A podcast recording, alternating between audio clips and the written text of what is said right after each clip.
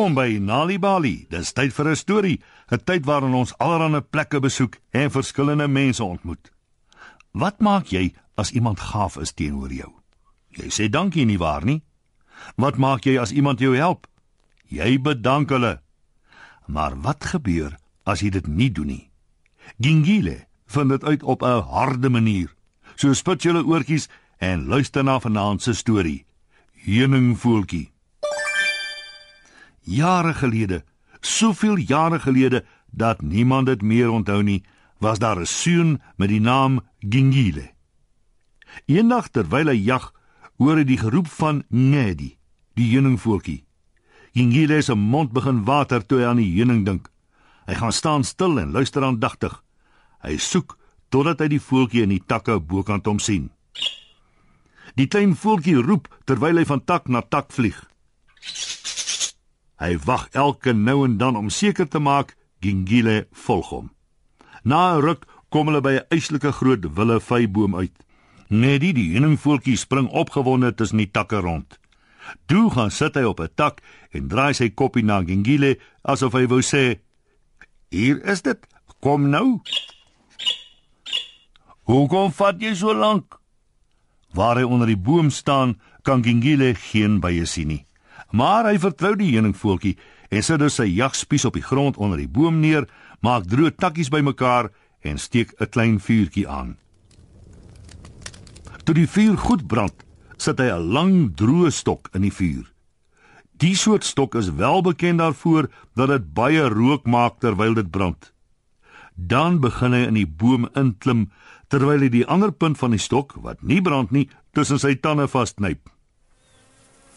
Sommer baie gou hoor hy die harde gezoem van die besige bye. Hulle kom uit 'n holte in die willevyboom se groot stam gevlieg. Dis waar hulle bly. Dis hulle korf.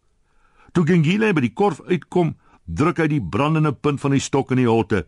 Die bye vlieg vervaard uit, baie kwaad en baie gemeen. Hulle vlieg weg want hulle kan rook nie verduur nie. Maar nie voordat hulle Gengile 'n paar baie seer bysteke gee nie. Toe hy dink al die bye is uit die korf, druk Gengile sy hande daarin.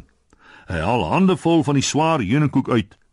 Ryk geurende heuning en groot vet larwes drup daaruit. Hy sit die heuningkoek versigtig in die sak wat hy oor sy skouer dra en begin uit die boom uitklim.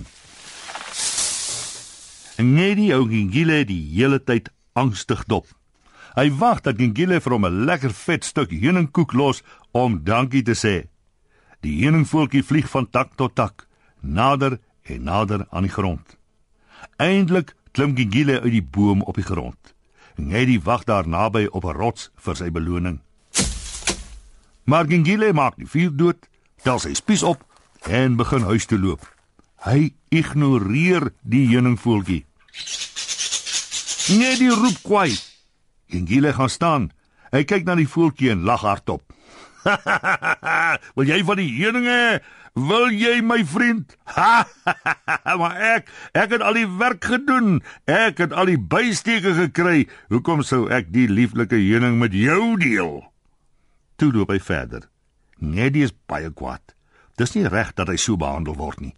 Maar hy sal die jong seun nog 'n les leer, een wat hy nooit sal vergeet nie. Eendag, 'n paar weke later, hoor Gengile weer Ngedi se heuning roep.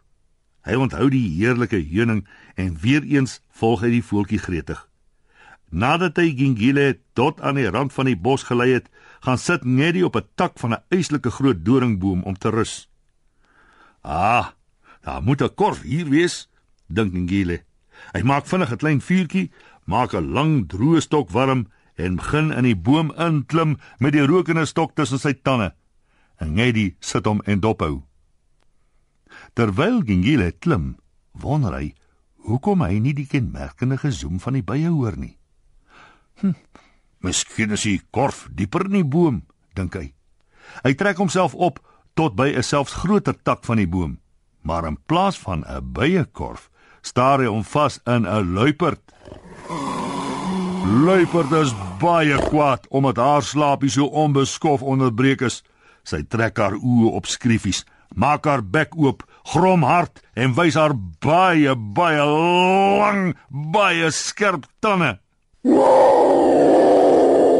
Voordat luiperd 'n klap in Gengile se rigting kan gee, skarle uit die boom uit. In sy haas trap hy 'n tak mis, land met 'n harde slag op die grond en verswik sy enkel. Hy strompel weg so vinnig as wat hy kan.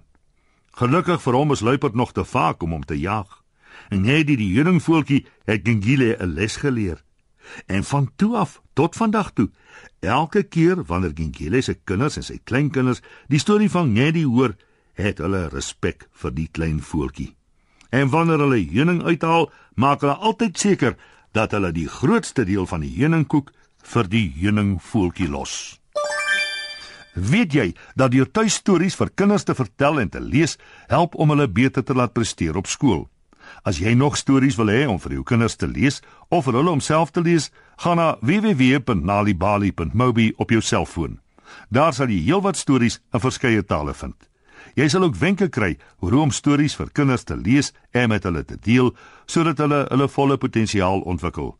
Story Power. Bring dit huis toe. Besoek ons op www.nalibali.mobi of kry Nalibali op Facebook en mix dit. Die Nalibali byla met pragtige stories en heelwat aktiwiteite is beskikbaar in KwaZulu-Natal, Sunday World Engels en isiZulu. Gauteng Sunday World Engels en isiZulu. Vrystaat Sunday World Engels en Sesotho, Weskaap Sunday Times Express Engels en isiXhosa en Ooskaap The Daily Dispatch Dinsdae en The Herald Donderdae Engels en isiXhosa.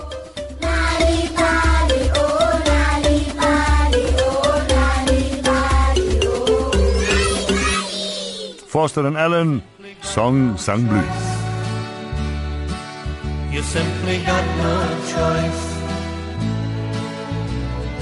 song sung blue, weeping like a willow. Song sung blue, sleeping on my pillow. Funny thing, but you can't sing it with a cry in your voice. And before you know it starts to feeling good you simply got no choice. You simply got no choice.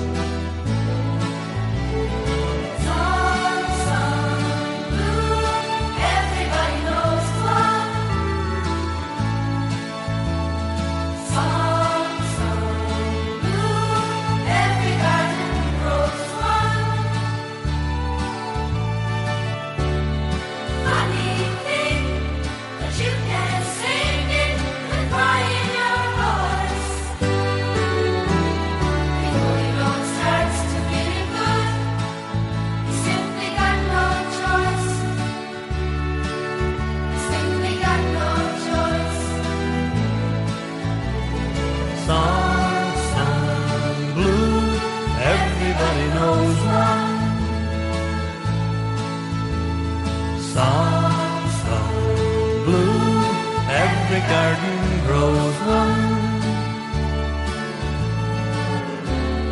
Funny thing, but you can't sing it with a cry in your voice. And before you know it starts to feeling good, you simply got no choice. You simply got no choice. Song everybody knows